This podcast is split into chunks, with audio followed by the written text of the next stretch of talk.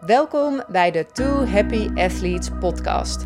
Hier krijg je inspiratie, kennis en concrete tips om samen met je paard een absoluut dreamteam te worden. Mijn naam is Mirjam Vree van Straten, ruitercoach bij Horsepower Lifepower en oprichter van de Two Happy Athletes Academy. Ik help ruiters en hun paarden te groeien naar die ultieme samenwerking. Naar emotionele, mentale en fysieke kracht en verbondenheid. In deze podcast neem ik je mee in die Two Happy Athletes wereld, zodat ook jij en je paard een team van twee Happy Athletes worden, die samen bewegen als één. Heel veel luisterplezier.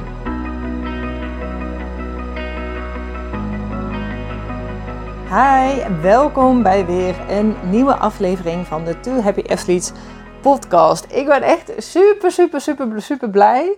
Uh, in de laatste aflevering vertelde ik al iets uh, over mijn secret project. En dat secret project, dat is Puk. Ik was vrijdag um, gaan kijken voor de tweede keer bij um, een merriejaarling, Puk genaamd. En uh, ik heb dus ook besloten om haar te gaan kopen. Ik heb er echt super veel zin in.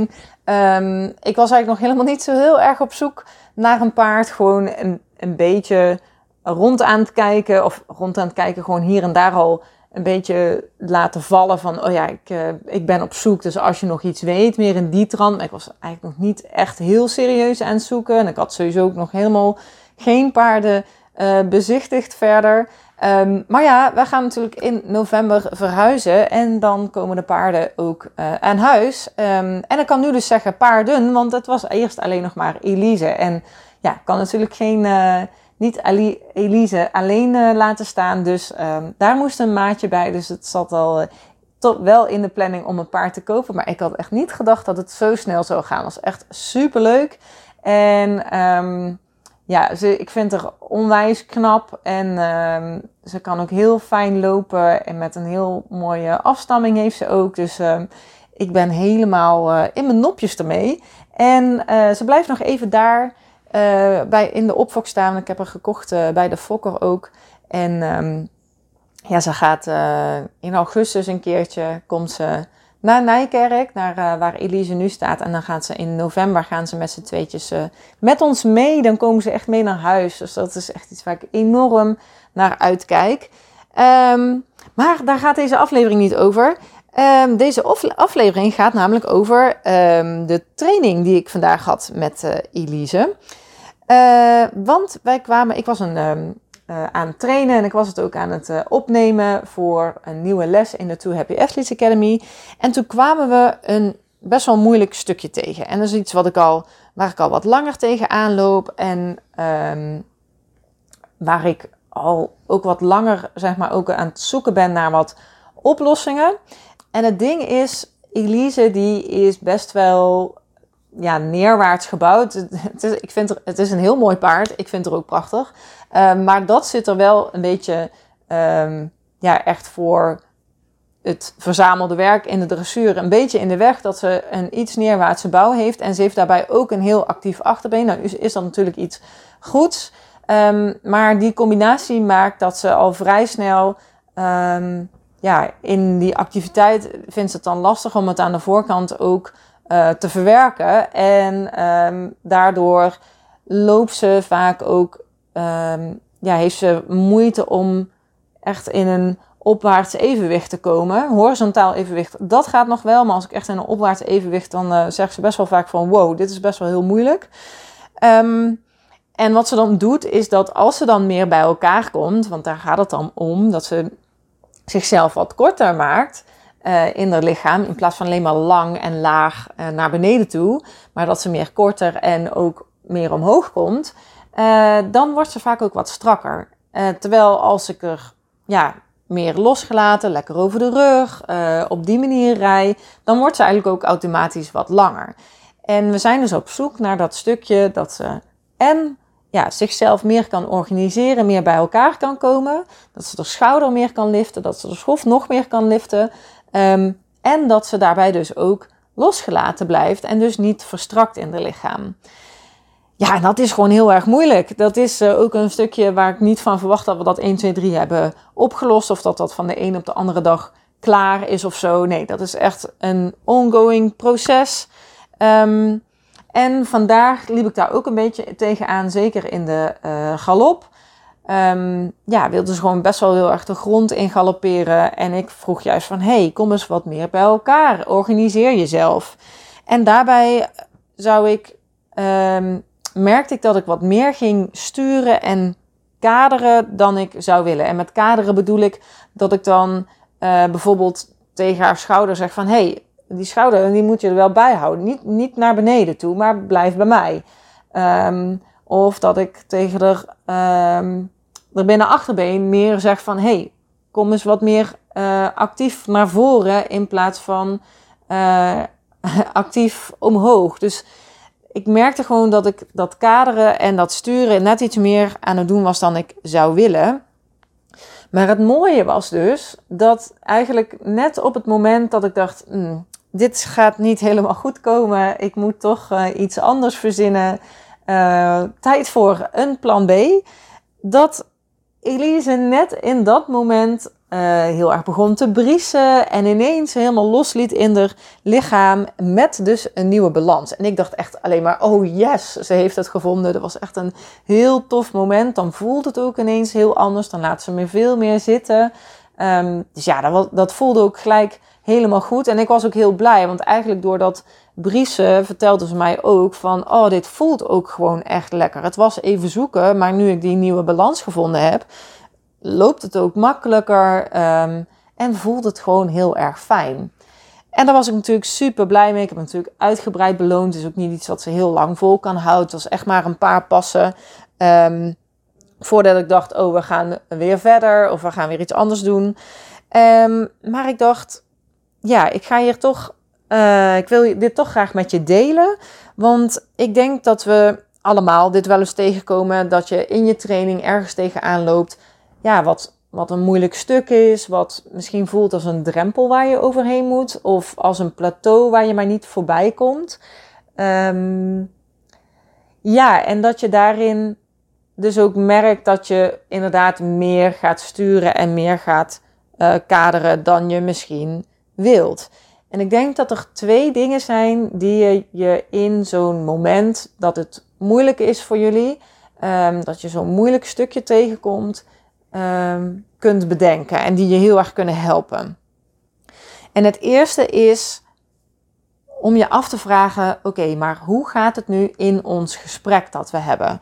Dus um, is het iets dat ik ben ik al de hele tijd uh, eigenlijk heel erg aan het sturen um, en dus eigenlijk aan het hoor, uh, aan het woord zonder dat ik ook echt um, ja wacht op wederhoor van, van mijn paard? Dus is er, is er hoor en wederhoor? Um, of is dit iets wat alleen nu in dit moeilijke moment, uh, in dit moeilijkere stukje gebeurt? En als je nou, als het antwoord is van, oh ja, nee, dat is alleen nu in dit moment. Um, dan is het misschien ook wel een goed idee om soms wat meer van je te laten horen. Dat mag. Uh, dat is helemaal prima. Ik um, gebruik zelf um, heel veel uh, positieve bekrachtingen, maar ik gebruik ook negatieve bekrachting. Dus ik gebruik ook echt een combinatie.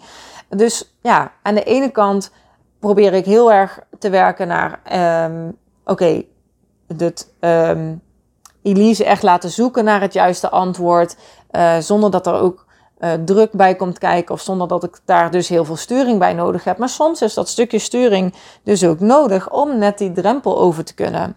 En in dit geval van vandaag was dat dus omdat ze zelf eigenlijk het antwoord niet gevonden kreeg in haar lijf. Dan kun je natuurlijk um, de conclusie trekken van, oh ja, maar dan is ze nog niet zo ver of dan is ze nog niet daar klaar voor. Maar ik denk dat het heel vaak een soort kip-en-ei verhaal is. Dus aan de ene kant moet je spieren ontwikkelen en moet je souplesse ontwikkelen om een bepaalde oefening te kunnen doen. Of een bepaald evenwicht of een bepaalde houding of een bepaalde manier van beweging te kunnen vinden. Maar aan de andere kant, ja, hoe creëer je meer souplesse en hoe creëer je die, uh, ja, die toename aan uh, spiermassa? Uh, juist door die oefeningen te doen en juist door zeg maar, je paard op die manier te laten bewegen. Dus ja, wat is er dan eerst?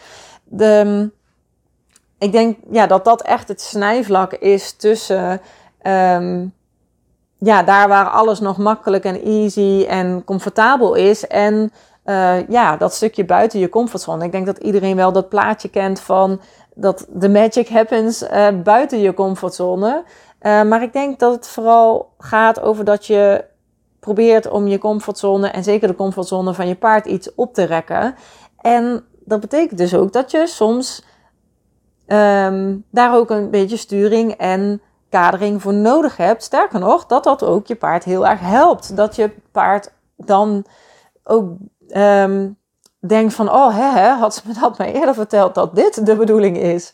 En dat is ook wel wat ik zelf uh, als conclusie trok toen Elise zo ineens losliet en ineens ging briezen. Ze van, oh, dit bedoelt ze. Oh ja, nu snap ik het. Oh, dit voelt lekker. En um, ja, dat dat dus ook heel erg helpend kan zijn. Juist om ook weer dat stapje verder te kunnen komen. En juist om ook net die drempel over te kunnen. Omdat je paard dat niet, niet alles uit zichzelf aan kan bieden. Um, en ja, in het geval van Elise, ze zal dat ook niet zelf aanbieden. Omdat haar lichaam daar ook niet op gebouwd is. Betekent dat dat ze het ook niet kan? Nee, zeker niet. Met training kan dat absoluut uh, heel erg sterk verbeteren. En ik ben echt ervan overtuigd dat ze ook um, een hele andere manier uh, van bewegen, veel opwaartse be uh, manier van bewegen ook werkelijk aan kan leren.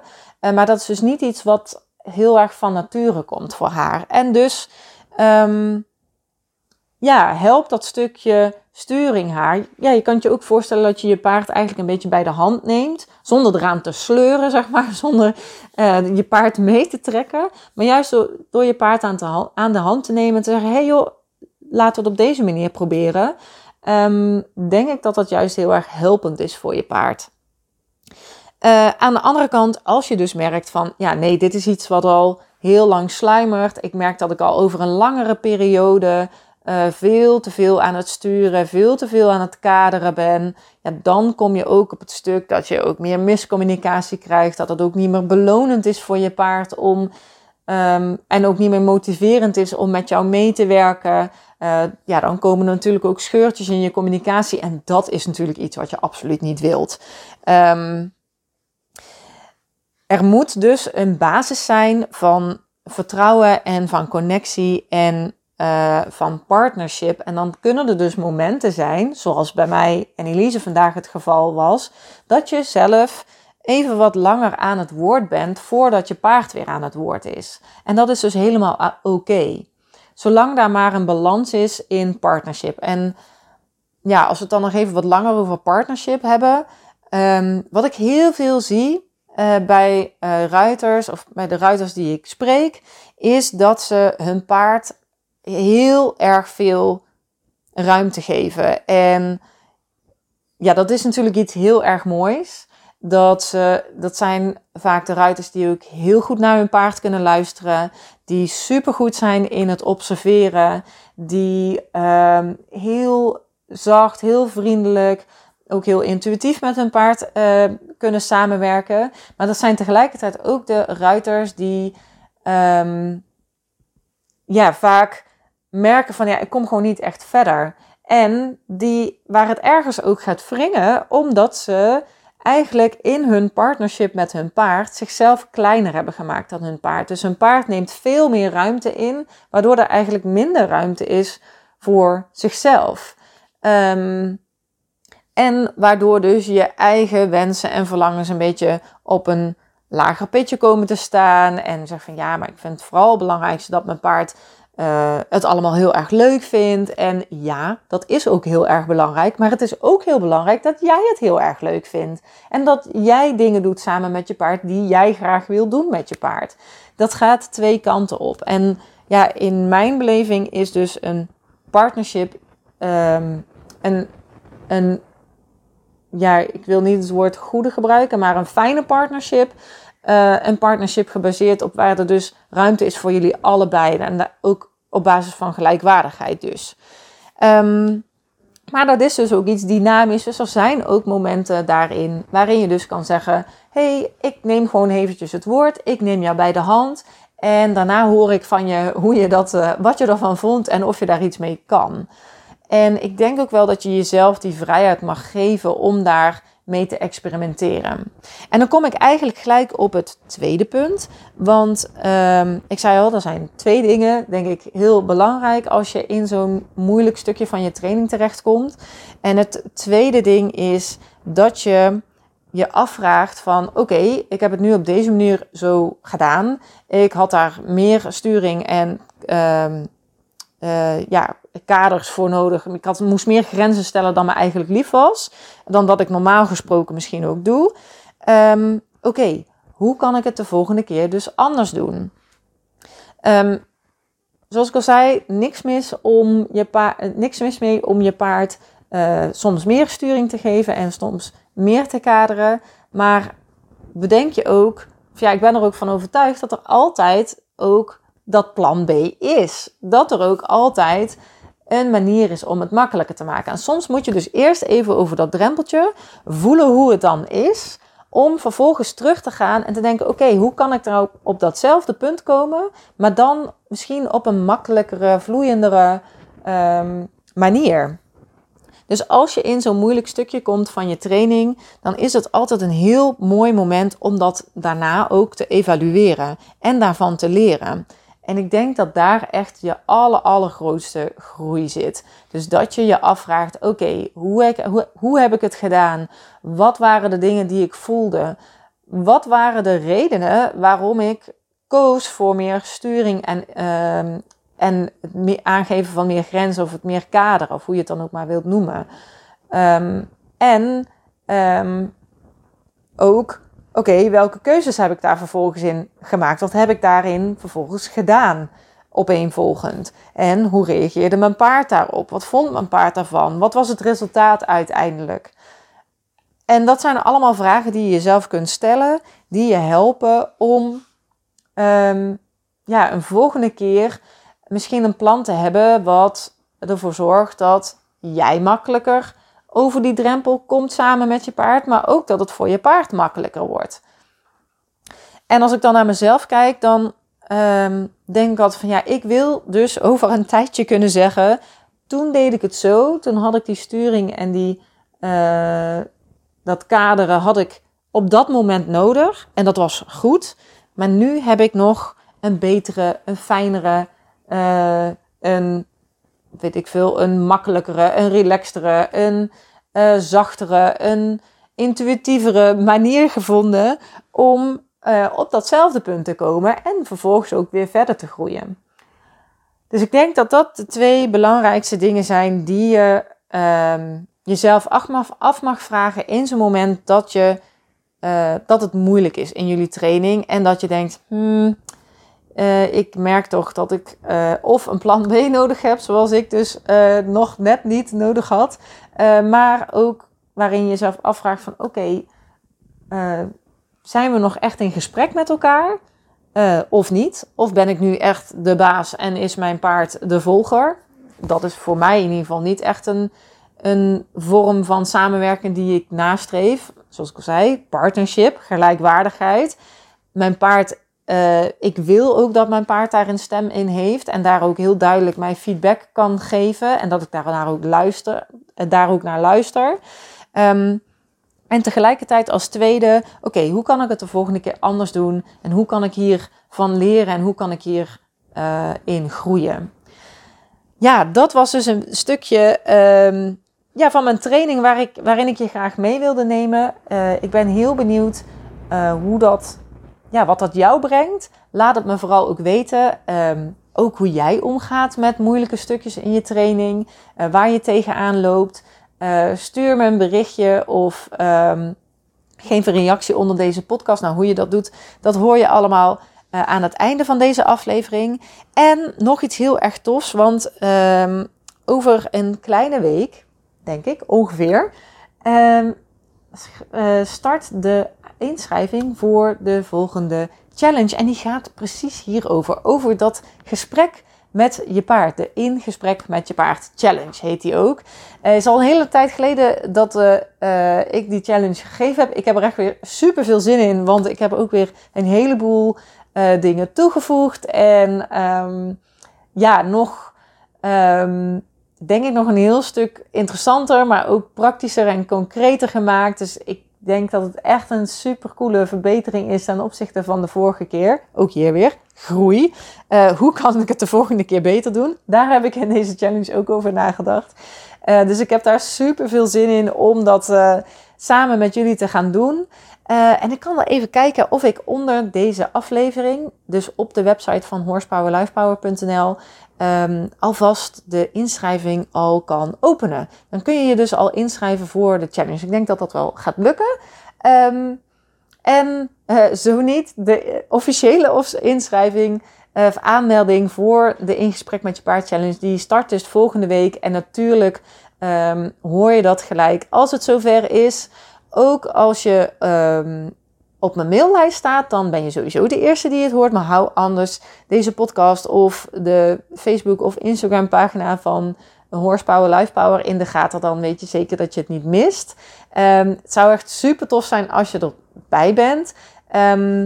En als laatste, de challenge is gratis. Het is een vijfdaagse challenge waarin je samen met mij uh, het gesprek aangaat samen met je paard. En uh, nou ja, de vorige keer kwamen er echt hele, hele toffe resultaten uit. Dus uh, ja, ik kan niet wachten totdat dat weer zover is. Hieronder onder de podcast kun je dus aanmelden. alvast. En anders voor, volgende week. Ik heb daar echt super veel zin in. Dus um, tot dan en tot de volgende aflevering.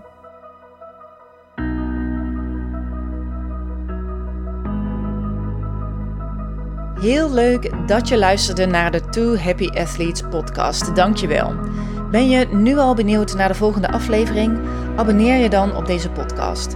Klik daarvoor in je podcast-app op de button subscribe of abonneren. Dan ontvang je automatisch een berichtje als er weer een nieuwe aflevering verschijnt. En gun je je paardenvrienden en vriendinnen ook een ultieme samenwerking met hun paard? Deel de Two Happy Athletes podcast dan met ze. En wat helemaal tof zou zijn, geef deze podcast een review via je podcast-app, bijvoorbeeld op iTunes of Spotify. En dan kunnen andere ruiters deze podcast ook weer beter vinden. Alvast super bedankt daarvoor. Ik vind het ook altijd heel leuk om te horen welke lessen en inzichten je uit deze podcast gehaald hebt. Dus stuur me zeker even een berichtje. Dat kan via Facebook, Instagram of via de mail. Op Facebook kun je me vinden op Horsepower Lifepower, maar let wel op, want er zijn twee pagina's in omloop. Die met de meest recente berichten is degene die je moet hebben. Op Instagram vind je me onder apenstaartje Miriam Horsepower Lifepower en Miriam spel je met twee keer een M en twee keer een I. Mailen kan natuurlijk ook, dat kan naar miriam.horsepowerlifepower.nl Nogmaals heel erg bedankt voor het luisteren. Vergeet je niet te abonneren en tot de volgende aflevering.